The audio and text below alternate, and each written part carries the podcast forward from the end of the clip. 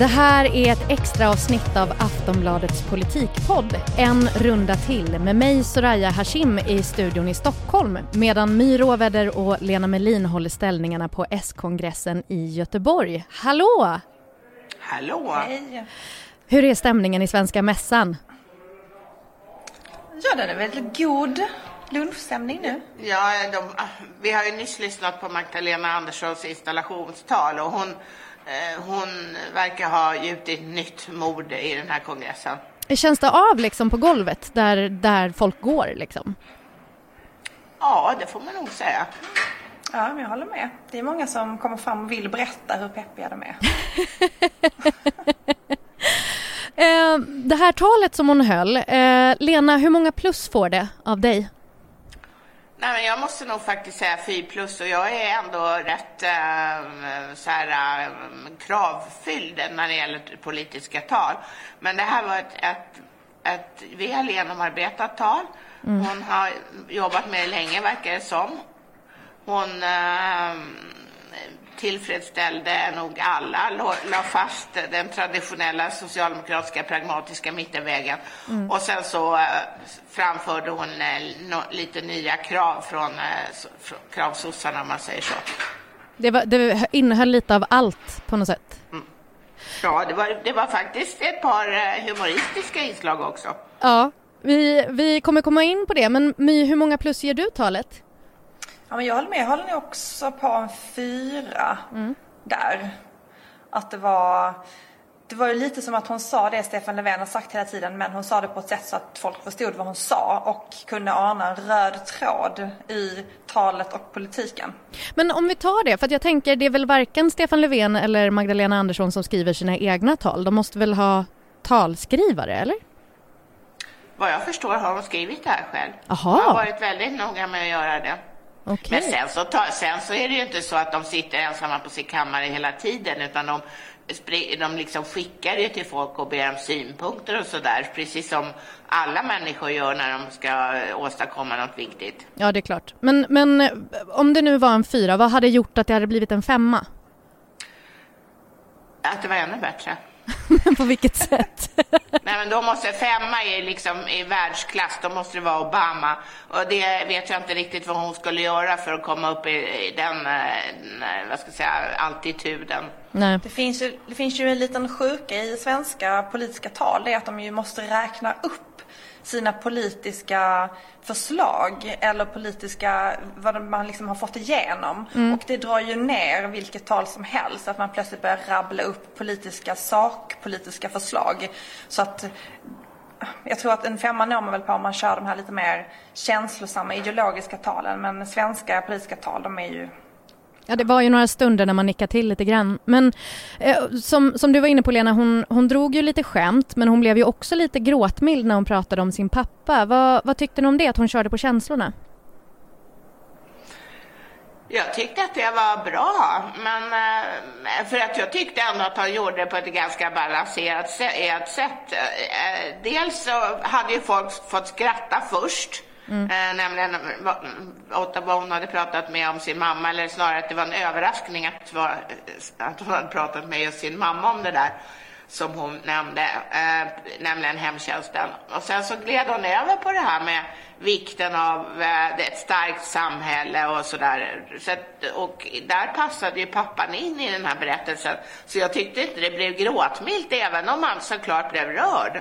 Och det blev nog hon också, verkar det som.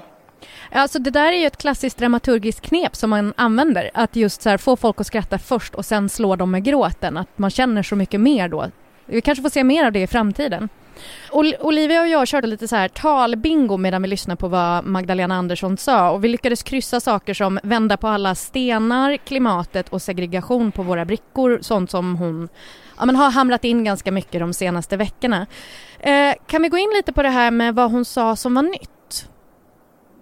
Alltså hon sa ju, eh, om, man, om vi tar de tre punkter som hon har hamrat nu, eh, det här är för tredje gången, så är det ju det som hon anser är vikt, de viktigaste frågorna för socialdemokratin.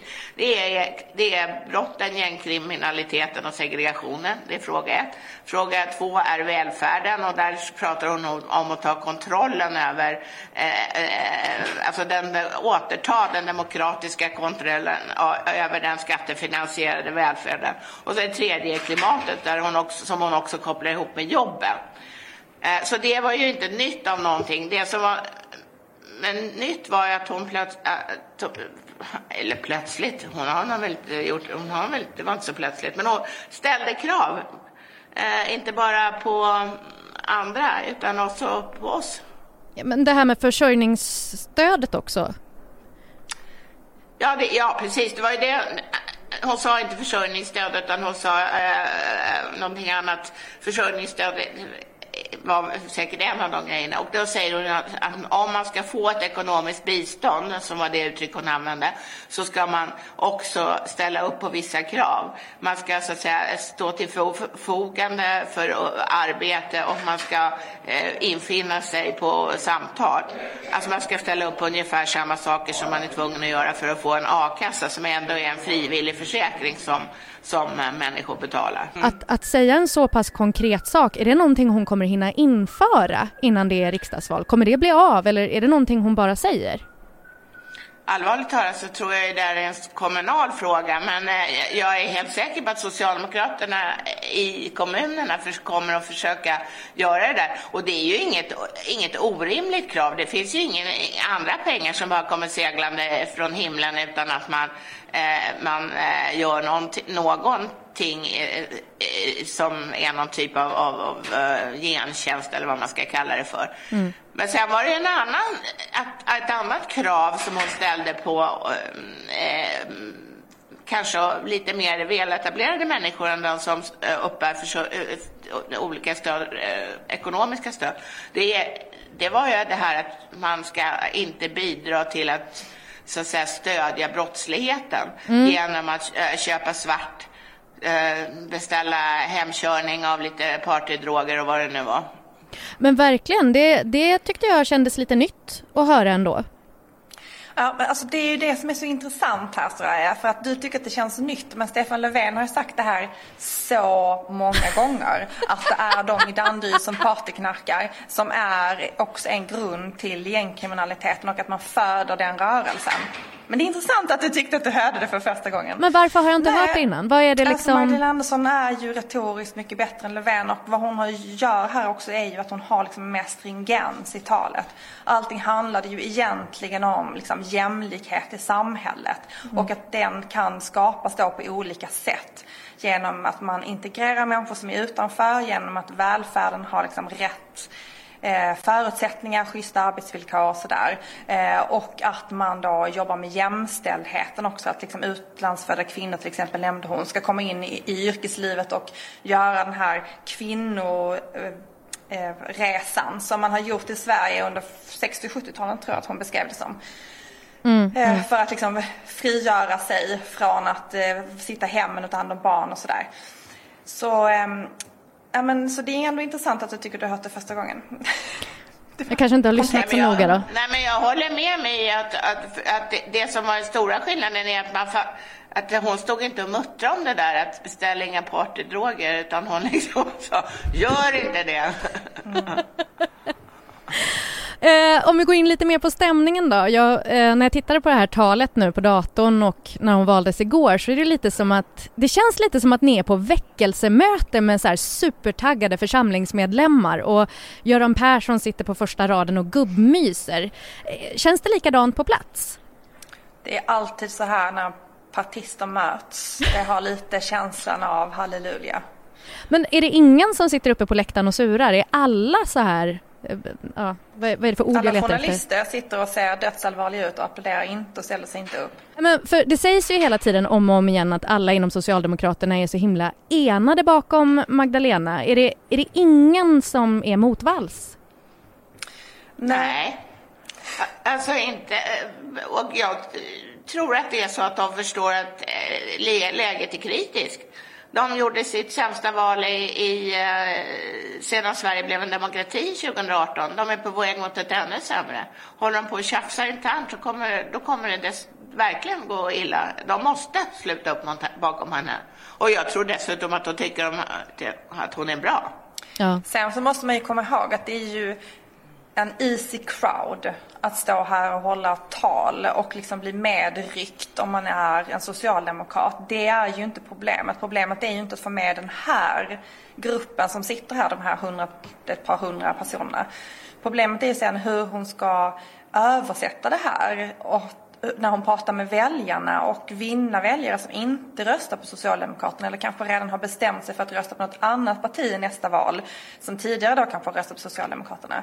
Eh, det är de hon behöver nå. Så frågan är så här, hur översätter hon den här, så här peppen som hon ingjuter i sina partister till att också eh, liksom få ut politik och få med sig väljare. Och det är ju inte lika lätt. Det är ju en mycket större utmaning. Så det återstår ju verkligen att se.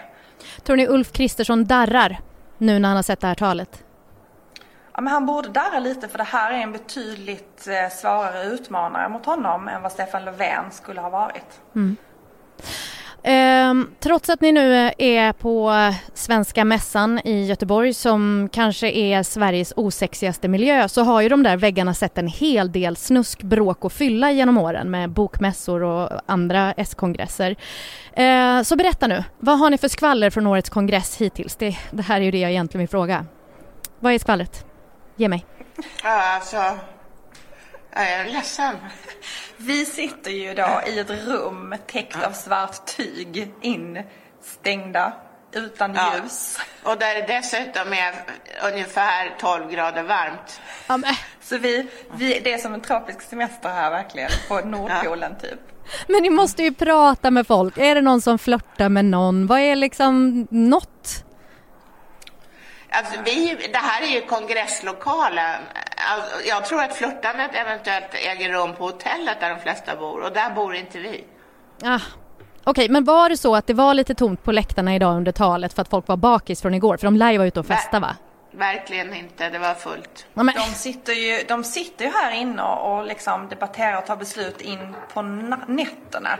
Så att festen är ju på lördag. Alltså jag är så då besviken. vi inte heller, då kommer vi inte heller veta någonting i och för sig. Men svaret kommer vara detsamma. Men de, de kommer ha en fest på lördag. Alltså jag är så besviken på er framför allt. Ja. Men om du, om du vill kan vi försöka sätta oss i den här skybaren här i natt då.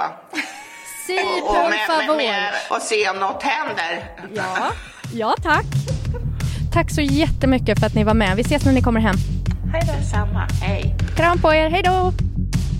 Och där var det slut för den här extra podden från Aftonbladets politikpodd En runda till.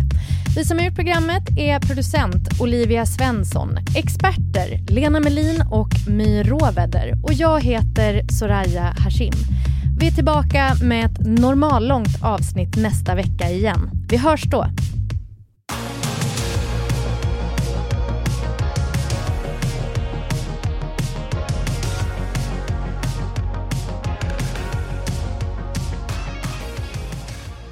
Du har lyssnat på en podcast från Aftonbladet. Ansvarig utgivare är Lena K Samuelsson.